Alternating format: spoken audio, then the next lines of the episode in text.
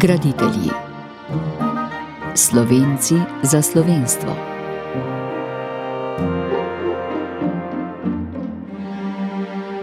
Nada Matičič. Rodila se je 16. avgusta leta 1922, umrla 22. julija leta 2004.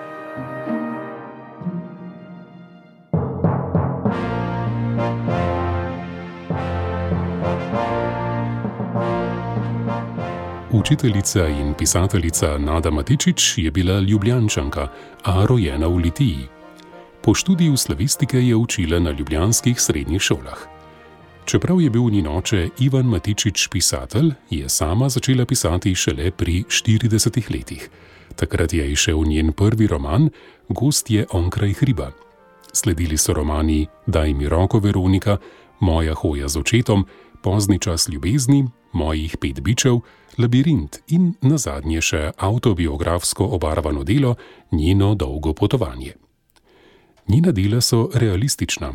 Pogosto je opisovala iskanje mladostnikov, spomine ali vprašanja polpreteklega in sodobnega časa. Pri vsem tem je imela izreden čut za pravico in etičnost. Pred njeno smrtjo je išla še zbirka zgodb, njegovo izginotje.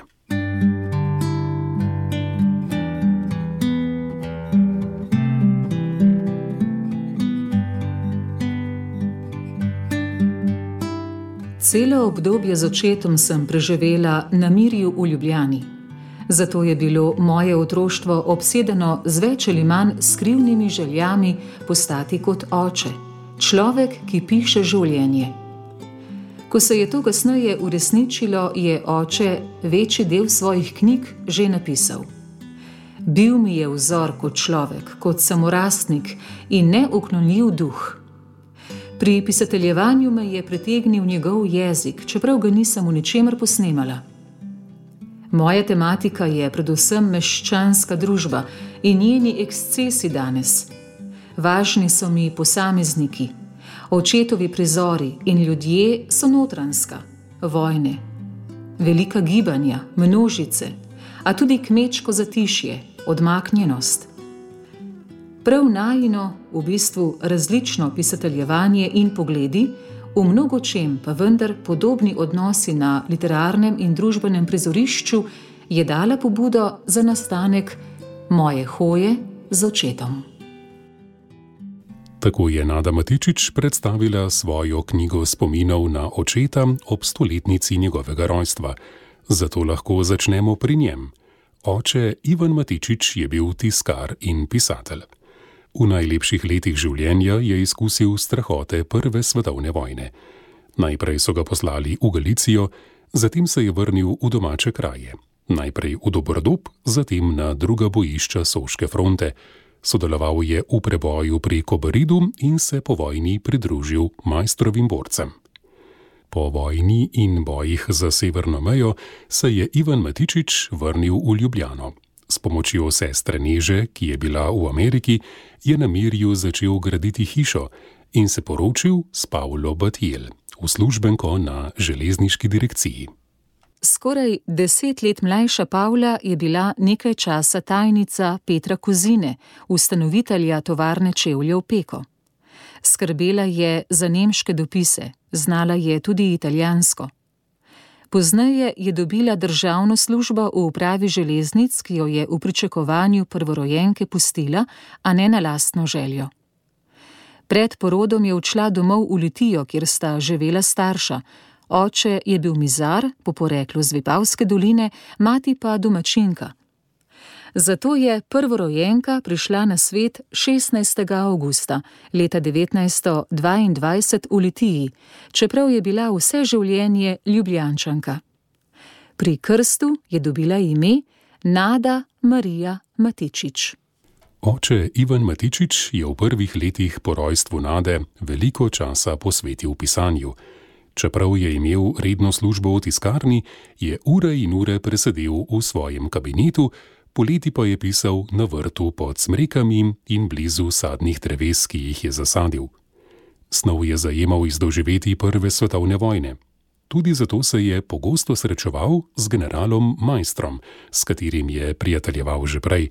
Oba sta pisala spomine na vojna leta, Matičič bolj v literarnem, Majster pa v zgodovinskem smislu.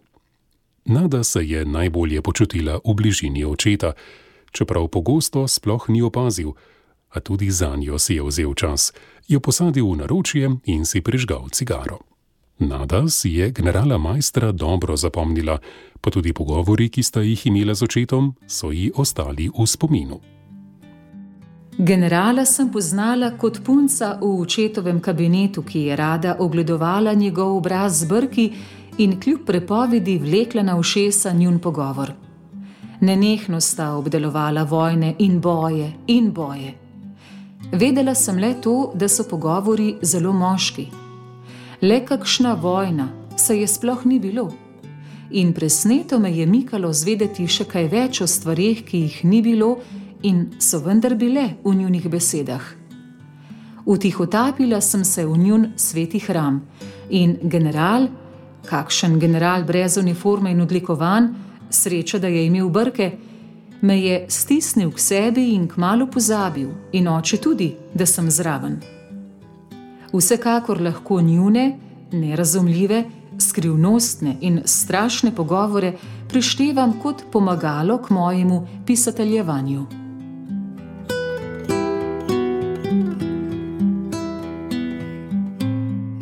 Nada Matičič je pri štirih letih dobila bratca Janeza, poznaje pa še sestro Polono. Pri hiši sta bila še gospodinja Lojza in železniški uradnik Weber, tudi slikar. Oba sta pomagala tudi pri vzgoji otrok. Skupaj so hodili na sprehode in izlete. Družina je imela redna popoldanska nedeljska druženja ob taroku s pecivom in čajem, vinom za odrasle, Prišel je sosed, ki je živel v hiši in na dolgo so debatirali o družbi in politiki, dogajanju v Jugoslaviji. Ti večeri so bili pomemben del izobraževanja, pravi hčerka, ki opisuje polno, krepko življenje. Tako se je otroštva spominjala Polona. Vsi trije so se oblikovali ob očetu, ki je bil delaven in izrazito pošten človek. Vedno je poudarjal ustrajnost, da je treba, kar se začne, tudi končati. Janez, ki se je razvil v vrhunskega skladatelja, je že v otroških letih pokazal, da ima smisel za glasbo. Mama je želela, da bi se glasbi posvetila tudi Nada, a ona je kmalo nakazala, da bo šla po očetovih stopinjah.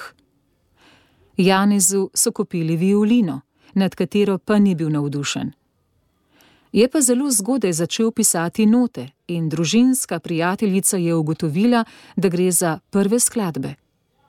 Janez je sočasno violino zamenjal s klavirjem. O tem je poznaje pripovedoval. Klavir je prišel v hišo zaradi sestre. Nada je bila začetnica, a ji ni ravno šlo, to je priznala tudi sama. Mene pa je vse bolj začel mikati prav klavir ti boš igral violino, nada pa klavir, je odločila mama. In kadar ste šli v mesto, sta zaklenili klavir in skrili ključ. A sem našel skrivališče. Klavir je takrat stal prav tukaj, kjer zdaj sedite vi. Ko sta zaprli vrata za sabo, sem poiskal ključ in začel igrati. Še danes se spominjam, kakšen užitek je bil to. Prepovedan sad. Za me je bilo to nekaj najbolj čudovitega. Sredi 30 let je Polona zbolela in zdravnik ji je predpisal, da mora na višinski zrak. Mama je iskala različne kraje na Gorenskem, kamor bi lahko šli med počitnicami, in se najprej odločila za dom pod Storžičem. Naslednje leto so pristali na Pšincu nad Buhinjem. Nada se je že takrat zaljubila v Buhinski kot. Prevzeli so jo zidani in leseni stanovi, hlevi, ognišča, skodlaste strehe, ograde iz kamenja ali spletene iz smrekovih vej, njive ovsa, sirarne, spanje na senu nad hlevom, pa ljudje in hrana, prelepi vrhovi gora, divji zajci, srne, gamsi. Do začetka vojne so se vsako leto vračali v ta svet pastirjev, sirarjev, majerjev, lovcev in gozdarjev.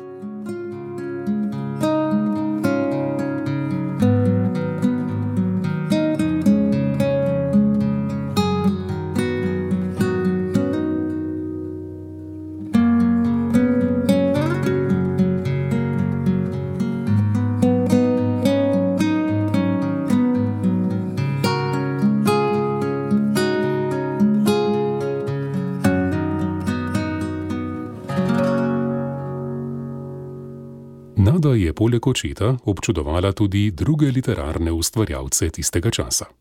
Že v otroških letih se je seznanila s Otonom Župančičem, čeprav ni marala njegovega cicibana, ki ga je podaril oče. Dobro se ji je zdelo, ko ji je rekel: Ti si pa čisto očetova. Poznala je Finžgarja, Kozake, Albrehte, Vodnike in Vidmarje, pa Lili Novi in Podbevška. Le za šolo se ni preveč zanimala, S težavo je prišla do male mature. Kam naprej? Pripravljena je bila sprejeti karkoli, le da ne bi bila gimnazija. Sama pri sebi je bila prepričana, da bo pisateljica, a to ni bil poklic. Starši so želeli, da nadaljuje šolanje in čim prej pride do kruha. Poskusila je na pedagoški, a je bil upis omejen. Sprejeli so hčere učiteljev in tiste s posebnim priporočilom. Poskusili so medicino. Na srečo sem padla pri preizkušnji. Psihotest je pokazal, da nimam prav nobenih tovrstnih nagnjen, ne nadarjenosti, ne fizičnih ali čustvenih izgledov. Mama je bila obupana. Vse preostale možnosti smo že zamudili. Ostala je le še gimnazija. 2. septembra me je upisal na Poljansko gimnazijo v peti razred pod pokroviteljstvom razrednika dr. filozofije profesorja Maksa Robiča, ki je še danes v sedmi moj razrednik. Z njim se moram včasih že kar nepojemljivo divje boriti za svoj bodoči pisateljski poklic. Do konca gimnazije je Nada ostala upornica. Pogosto se je prerekala s profesorji, dobila lepo število okorov, a ustrajala na svoji poti. Razrednika, ki ji je zavrnil vrsto spisov, čež da niso urejeni, je na zadnje le prepričala, da zna pisati. Dobila je petico za najboljši spis v razredu. A pri naslednji nalogi o naših izseljencih na Župančičevo temo je bil spet polom. Nada je namreč pisala o tem, kako si sama predstavlja izseljence, saj je imela v Ameriki štiri strice, štiri tete, več sestričen. Pred koncem gimnazije je razmišljala, kam naprej. Njena prva izbira je bila igralska akademija, a sta jo oče in mama prepričala, da to ni prava izbira. Odločila se je za študij slavistike. Tam se je srečevala tudi z Balantičem. Že v seminarju me je presenetil s svojo pesmijo Umiram nisem ga razumela. Kljub jasnosti in izklesanosti verzov, kljub poetični širini in ritmu. V nekaj je bilo treba prodreti, kar mi je bilo tuje. Preveč sem imela rada življenje in moja pomlad se ni ozirala na vojno. Tuji so mi bili njegov strah, pomešan s slastjo, gnevom in blaznostjo. Tuji, kar se da bližja pa nežnost, skoraj milina zauzetosti za majhne drobne stvari.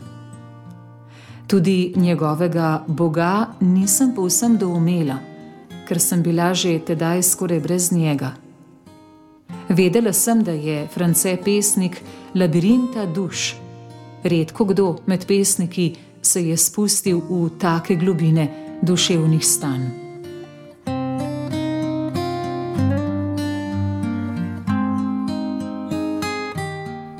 Vojna, ki so jo prej spremljali le oddaleč in nezavedno, je postala resničnost. Italijani, ki so zasedli Ljubljano, so uvedli vrsto omejitev, a šole so ostale. Oče je dobil izkaznico in je lahko vsako jutro odhajal v tiskarno. Razmere so se spremenile, ko so prišli Nemci. Oče je ostal v tiskarni, Janez je moral od doma, delal je pri TODT in bil ranjen, zato v bolnici. Matičičeve je vojna najbolj pretresla tam, kjer ne bi pričakovali. 9. marca 1945 so ob treh popovdne nad Mirje priletela zavezniška letala in skoraj tretjino naselja zravnala zemljo. Sosedovega Janeza je butnilo ob zid, ko je gledal v nebo in se čudil, kako srebrne pahljače spuščajo srebrne lističe. Potem se je vse zamajalo in potemnelo. Polonca je tedaj pomivala posodo, mama je likala. Jaz pa sem ob oknu brala Laurinovo študijo o Dostojevskem, tudi o smrti. Potem se je stemnilo in siknil je rdeč plamen, miza se je nagnila k meni in me z Dostojevskim vred sunila na tla. Prezgodaj. Vse v meni se je uprlo proti smrti. Rjula sem brez glasu, deske v podu so ustrajale, hotele so se odtrgati od tav. Na pol zasuti so preživeli, a hiša je bila močno poškodovana. Zavezniška letala so prihajala nad Ljubljano še v mesec, a Mirja niso več napadala. Oče je skušal vsaj za silo popraviti streho. V tiskarni so tiskali zadnje izvode slovenca, slovenskega doma, bogoljuba, domoljuba, doma in sveta.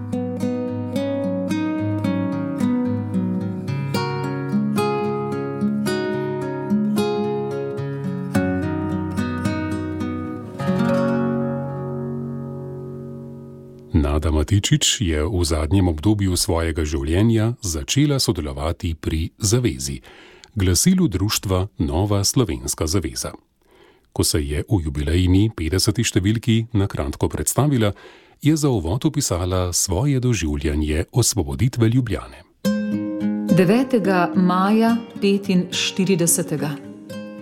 Svoboda. Zato se je treba pražnje obleči v nekaj temno-modrega.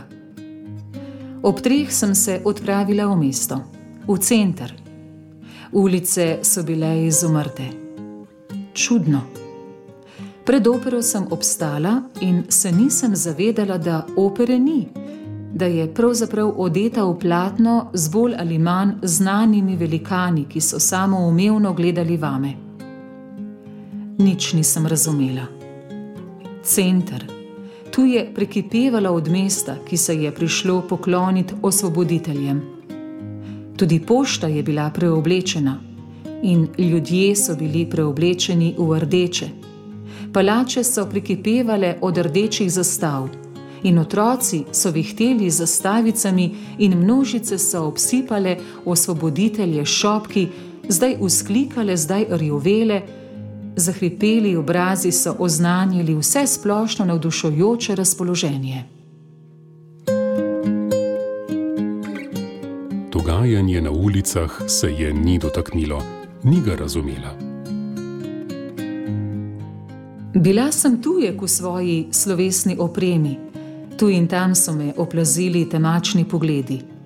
Zato sem zapustila kipeče prizorišče in hitela domov v zavetje svojih sten. Tik pred vrati me je dohitela znanka iz soseščine. Pomolila mi je pest pod brado. Zdaj se bomo pa takole pozdravljali. Potem sem se pogreznila v tišino pozabi noči, do jutra. Tedaj je pobutalo po unanjih vratih. Nek prst je bil uperjen v hišo in tulil, tisto cunjo dol, drugače naša slovenska zastava cunja. Oče se je razhudil in poslal gledat po soseščini. Zvezda. Potem je mama šivala zvezdo. Nov simbol, sovjetski simbol, ki je vladal dolga desetletja in še danes ni povsem izdihnil. Potem je rekel oče: Iz ene ječe, prekleti zlomek, smo se znašli v drugi.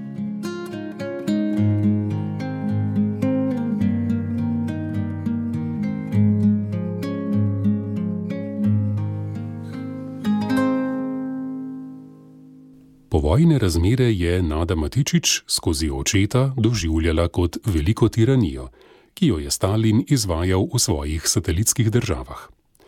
Oče je dobro poznal revolucionarne metode, ki so proti koncu Prve svetovne vojne spreminjale duhovno podobo ruskega in nekaterih drugih narodov ter pripeljale do Zveze sovjetskih socialističnih republik. To, kar se je po prvi vojni dogajalo na vzhodu, se je ponavljalo pri nas. Študij slavistike, ki ga je zaradi vojne prekinila, je nadaljevala po njej. Sprejemala ga je kot nujnost, sama pa je veliko svojega časa posvetila branju. V poseben zvezek si je že od najstniških let izpisovala zanimive odlomke citate. Tudi dela svojega očeta je z zanimanjem prebirala, čeprav je bila prepričana, da ona ne bo nikoli pisala v njegovem stilu. Bil je tradicionalist, staromoden, sodobna literatura je drugačna. Pa vendar je tudi sama segala po klasikih.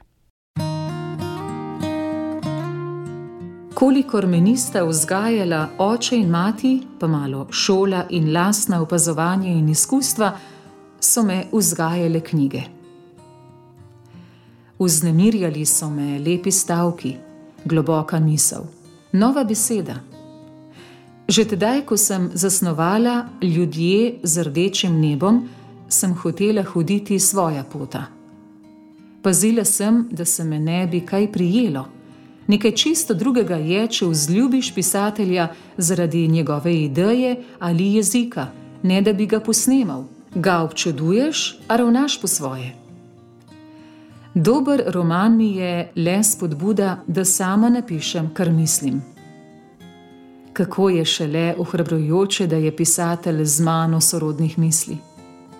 Pri dveh največjih literarnih ustvarjalcih, Dostojevskem in Šekspiru, sem občudovala ne toliko njuno filozofsko, marveč predvsem človeško obravnavanje.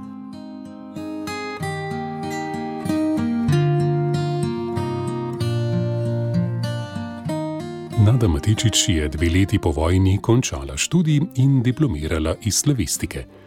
Med profesorji, ki jih je ohranila v spominu, je bil med drugim Antono Cvirk, ki jo je navdušil za francoske in ruske avtorje, nasploh za evropski roman. Poklicno pot je začela in končala na srednji šoli, kjer je poleg slovenščine z literaturo učila tudi estetsko vzgojo. Ker je bila precej samosvoja, in so jo kdaj pa kdaj opazili tudi v cerkvi, je bila pogosto na udaru tistih, ki so na šolah skrbeli za družbeno-politično korektnost. Poskrbeli so, da je večkrat zamenjala delovno okolje. Tako je enkrat po pomoti ali nerodnosti uslužbenke dobila v roke svojo karakteristiko, v kateri je o sebi lahko prebrala. Tovarišica nima urejenih delovnih navad, prepozno prihaja in odhaja iz razreda. Se ne vklaplja dobro v kolektiv, ne prihaja redno na vzgojne konference, se rada izmika političnim in kulturnim predavanjem. Večkrat škoduje kolektivu s skrajno nasprotujočimi tezami in skuša omajati soglasje kolektiva, nagnjenje k šovinizmu je pravična do vseh učencev in nepodkupljiva.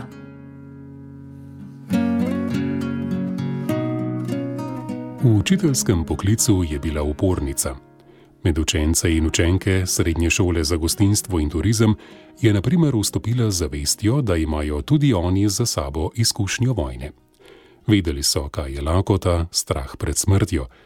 Z njimi se je pogovarjala o vsem, kar so doživeli, o prebranih delih, o filmih ni se trudila za enostranski prikaz, kot je narekovala nova oblast, ampak je pustila mlade, da so o marsičem podvomili, si oblikovali lastna mnenja. Tudi pri izbiri snovi se ni strogo držala učnih načrtov. Cankarja in preširna jim je razlagala na svoj način. Na mesto predpisane zdravlice so se poglabljali v krst. Pri Cankarju so poleg hlapca Jrnaja analizirali hišo Marije Pomočnice ob Bora in Kajuha je v učne ure utihotapila še Balantiča. Vse to je prišlo na uho odgovornim, zato kazenske predstavitve. Temu bi se izognila z vstopom v partijo, a to bi še bolj omejilo njeno svobodo. Zakaj nisem postala komunistka? Ne le zato, ker mi je bil komunizem že po naravi tuj, ali zaradi tebe, tudi ne zaradi tega, ker sem živela v dokaj urejenih razmerah, ampak predvsem zaradi prirojenega odpora do udinjanja stranki. Videla sem, kako so si delili oblast v imenu ljudstva. Niso bili odločilni izobrazba, znanje in sposobnost, marveč politično-moralne kvalifikacije. Nižji so, na primer, lahko napredovali, če so bili vdani in niso mislili s svojo glavo. Na pomembnih mestih so sedeli in še sede nezmožni ljudje. Vse povsod, ta sovjetski model, hegemonizem in monopolizem partije.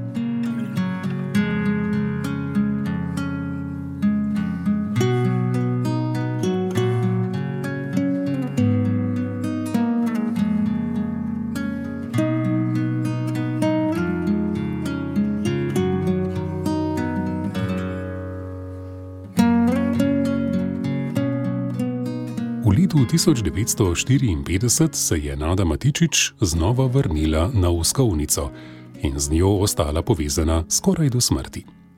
Planina, na kateri so Nemci novembra 1944 požgali večino hiš, je znova zaživela. Marsikaj je bilo obnovljeno, a na mesto pastirjev so nekatere koče pokopili meščani in jih obnovili za svoje potrebe. Čeprav ni bilo več tako kot v predvojnih časih, je Nada počitniške dneve v naslednjih letih preživljala v teh hribih in si omislila celo svojo kočo. Tu so nastajala njena literarna dela, ki jih je krajšala, popravljala in dopolnjevala. Čeprav so že zdavnaj dozorela v njeni glavi, jih je bilo težko spraviti na papir. Pri Mariborski založbi Obzorja je leta 1962 izšel roman Gost je onkraj hriba. To je bil literarni prvenec Nade Matičič, a ne njeno prvo delo. Se je imela v rokopisu pripravljen drug roman, ki je obležal pri založnikih.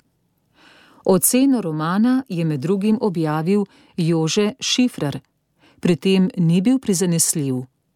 Med drugim je zapisal. Celotna struktura romana Gost je onkraj hriba izpod peresa Nade Matičičeve izkazuje neorgansko prepletanje teh snovi, kratko malo zmes površnega psihologiziranja in nedoživete, prav tako površinsko prikazane objektivne stvarnosti. Nosilci zgodbe so ljudje iz tipično malomeščanske sredine taki, ki so se med vojno za vsako ceno hoteli obvarovati pred nevšečnostmi revolucije, zdaj pa spet skušajo ostati na površju. Izživljajo se v osebnih ambicijah ter gojijo v sebi pridobitniški nagon, kakor je za to sredino tradicionalen. Le nekaj stvari je, ki vendarle opravičujejo založbo, da je delo izdala. To je Julijin dnevnik z opisi Julijine tragične preteklosti, impresivno opisana smrt njenega moža Marka, podoba strica Jana iz okupacijskih let, splošno vzdušje plitkega malomeščanstva in morda še kaj.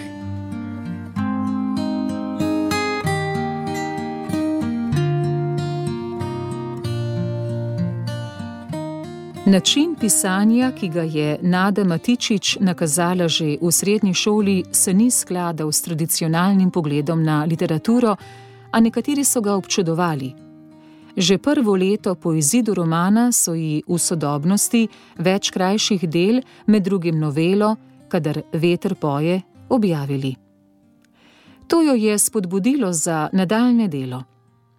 Takole je napisala: Zagrizla sem se v pisanje. Naklonjenost Ferda Kozaka me je spodbujala, da sem mu poslala še nekaj novel za sodobnost ob ljudeh z rdečim nebom pa je nastajal še manjši roman, ki je prvega za devet let prehitel. Bila sem nepazljiva, nagla in jezna, če se je zatikalo. Predvsem si tedaj še nisem mogla dopovedati, da moram pisati vsaj tako, kakor prebiram riš ali brusnice. Snetje mora proč. Imela sem pravo manijo pisati veliko in gosto besedno. Imela sem dovolj časa. Ob gozdičku, široko panoramo, Julicev pred seboj. Roman Ljudje z rdečim nebom je Jože Šifrer ocenil bolj poglobljeno in na vides bolj prizanesljivo. Še vedno pogreša jasno zgodbo. A Nadi Matičič, kot sama pravi, ne gre za to. Sledi predvsem notranjemu občutju človeka, ki je doživljal vojno, bil na strani revolucije ali njen nasprotnik, kritična je tudi do povojnih razmer, zlasti pa uspetnikov, ki so bili v vojni v ozadju, zdaj pa hočejo v ospredje. V romanu Daj mi roko Veronika se je poglobila v svet povojnega šolstva in učotenje mladih, ki ga je spoznavala kot učiteljica. To snov nadaljuje v romanu Labirint, kjer se prepletata zgodbi učiteljice slovenščine Ane Malovrh in dijakinje četrtega letnika gimnazije Jasne Andolšek na eni strani stiske in težave mladih, na drugi spletkarstvo in povspetništvo učiteljev, med katerimi so tudi taki, ki resnično živijo svoj poklic. Tudi življenje na planini in srečevanja z bohinjskimi pastirji, planšarji, gruntarji, gozdarji, redkimi izobraženci, vaškimi ženskami, natakaricami in gostilničarkami je pustilo sledi v pisanju Nade Matičič. To so ljudje, ki živijo iz preteklosti, naravno življenje, žive z naravo, sedanjost pa zahteva, da se spremeni njihov način življenja. Njim je posvetila romana Mojih pet bičev in balada o Boru. Tudi tu je naletela na številne kritike. Marija Cvetek je zapisala. Literarna zgodovina pisateljici priznava, da se ji je v veliki meri posrečilo prikazati duševni profil bohinjskega človeka. Čudoviti pa so tudi opisi posebno bohinjskega planinskega sveta, ki je vedno bolj ogrožen. Pisateljica je van zahajala z vsem spoštovanjem in človeško toplino, za katero smo ji hvaležni bohinjski prijatelji.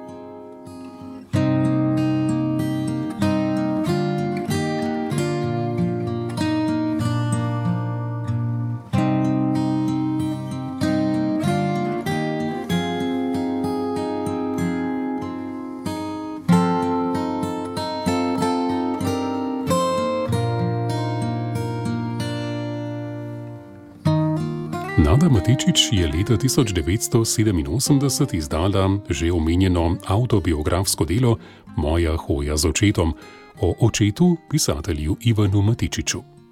V njem ga je spremljala od otroških let do dni, ko se je poslavljal od tega sveta. Na tej hoji skozi življenje sta obiskala njegovo rodno notransko in vrsto drugih krajev do Bohinjskih planin, se pogovarjala o prvi svetovni vojni, očetovem ustvarjanju, pogledih na politiko, o drugi vojni, brezkompromisnih povojnih oblastnikih, pa tudi o literaturi in umetnosti nasploh. Autobiografske poteze ima tudi roman Njeno dolgo potovanje. Že predtem se je Nada Matičič kritično ozrla na pol preteklo zgodovino.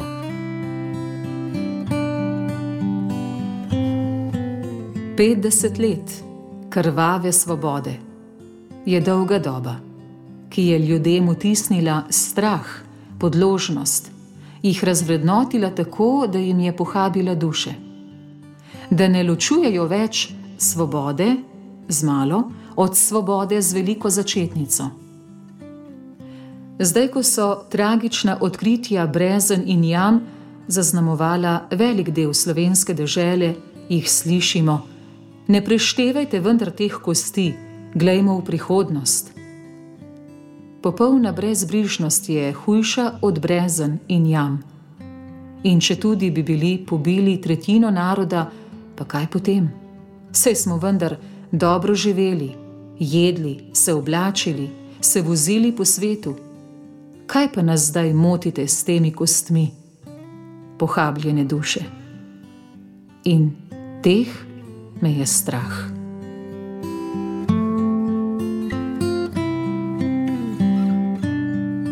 Slovenska pomlad se je Nade Matičič dotaknila, ali pa tudi ne. Dočakala jo je kot slavistka v pokoju. Njen pravi poklic pa je bil pisateljevanje, ki mu je po odhodu iz šolskega okolja posvetila še več časa. Do osamosvojitve je napisala vrsto romanov ter številne črtice in novele, ki jih je objavila po revijah.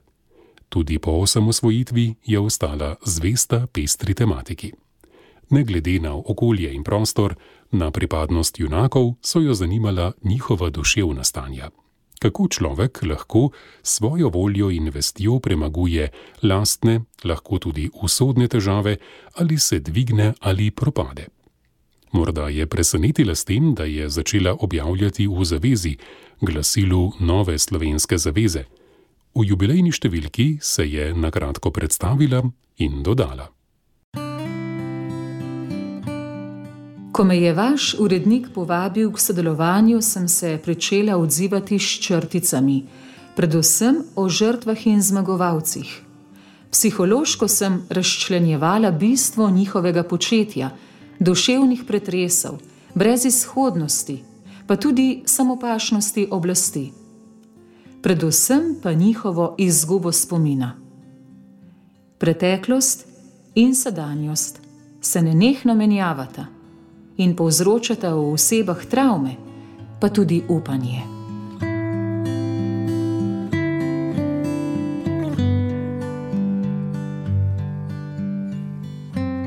Del teh pripovedi oziroma črtic je išlo v zbirki Njegovo izginutje. V njih nastopajo posamezniki, ki so se znašli na strani zmagovalcev ali poražencev. Nekateri med njimi so dejansko živeli, drugi so iz namišljenega sveta. Gre za predstavitev njihovih usod skozi dogodke, ki so se zgodili med vojno ali po drugi svetovni vojni. Sama je v njih zapisala: Moje zgodbe so pripoved in izpoved o človeku in njegovih duševnih pretresih. Predstavniki teh zgodb so le odraz nas v vsakdanjikih, a tudi odločujočih stanjih, so torej predvsem njihova izpovedovanja, a večkrat presežejo okvir posameznih usod zato lahko postanejo pričevalci časa in razmer, v katerih živi. Nada Matičič je v svojih delih pisala tudi o veri, o dvomih, o iskanju smisla. Te tematike se je lotevala povsem naravno in z veliko mero poznavanja človekove notranjosti. Imela je svojo vero. Poseben praznik za njo je bil 15. august 2002 tik pred njeno 80-letnico, ko so na Oskovnici blagoslovili novo kapelo posvečeno Mariji, kraljici miru. Postavili so jo na temeljih, kjer je stala leta 1952 požagana kapela. Dobro leto po blagoslovu, ko je bila kapela povsem dokončana, jo je posvetil škof Aloj Suran. Nada Matičič je že kmalo po osamosvojitvi Slovenije v družini objavila sliko prejšnje kapelice, ki jo je izrezala iz predvojnega slovenca, predstavila njeno zgodovino in ob koncu dodala: Njen temelj pa že 40 let opozarja, da bi jo bilo vredno znova postaviti. Ker je zbolela, je verjetno ni mogla obiskati. Njena zemljska pot se je iztekala. Prijateljica Marija Cvetek je v njenih zadnjih mesecih in smrti zapisala. Večkrat sem jo še obiskala v bolnišnici. Kljub temu, da ji je zahrbtna bolezen jemala moč, je še vedno upala, da bo napisala še en roman z bohinjsko tematiko, ki naj bi nosil naslov Himera. Uvod se ji je še posrečilo napisati doma. V bolnišnici ga je v glavi že dokončala, kot mi je sama dejala. Ponudila se je že prijazna gospa, da bi ga s pomočjo računalnika v bolnišnici spravila na papir. A kljub železni volji se je prej sklenil krok njenega življenja. Stara ljudska vera pravi, da ni dobro, če ni nikogar ob človekovi smrtni postelji. Nada je imela srečo, da so bili v poslednjih trenutkih ob njej brat Janez, skladatelj in profesor glasbe, in sestra Polonca in njen mož, ki sta prihitela iz Maribora.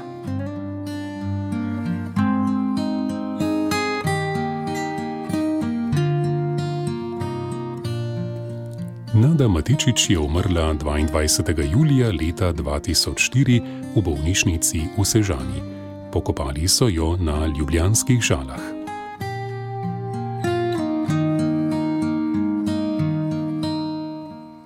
Oddajo o Nadi Matičič je pripravil Tone Gorjub. Brala sva Matjaš Mrljak in Nataša Ličen. Tehnično jo je uredil Jakob Čuk.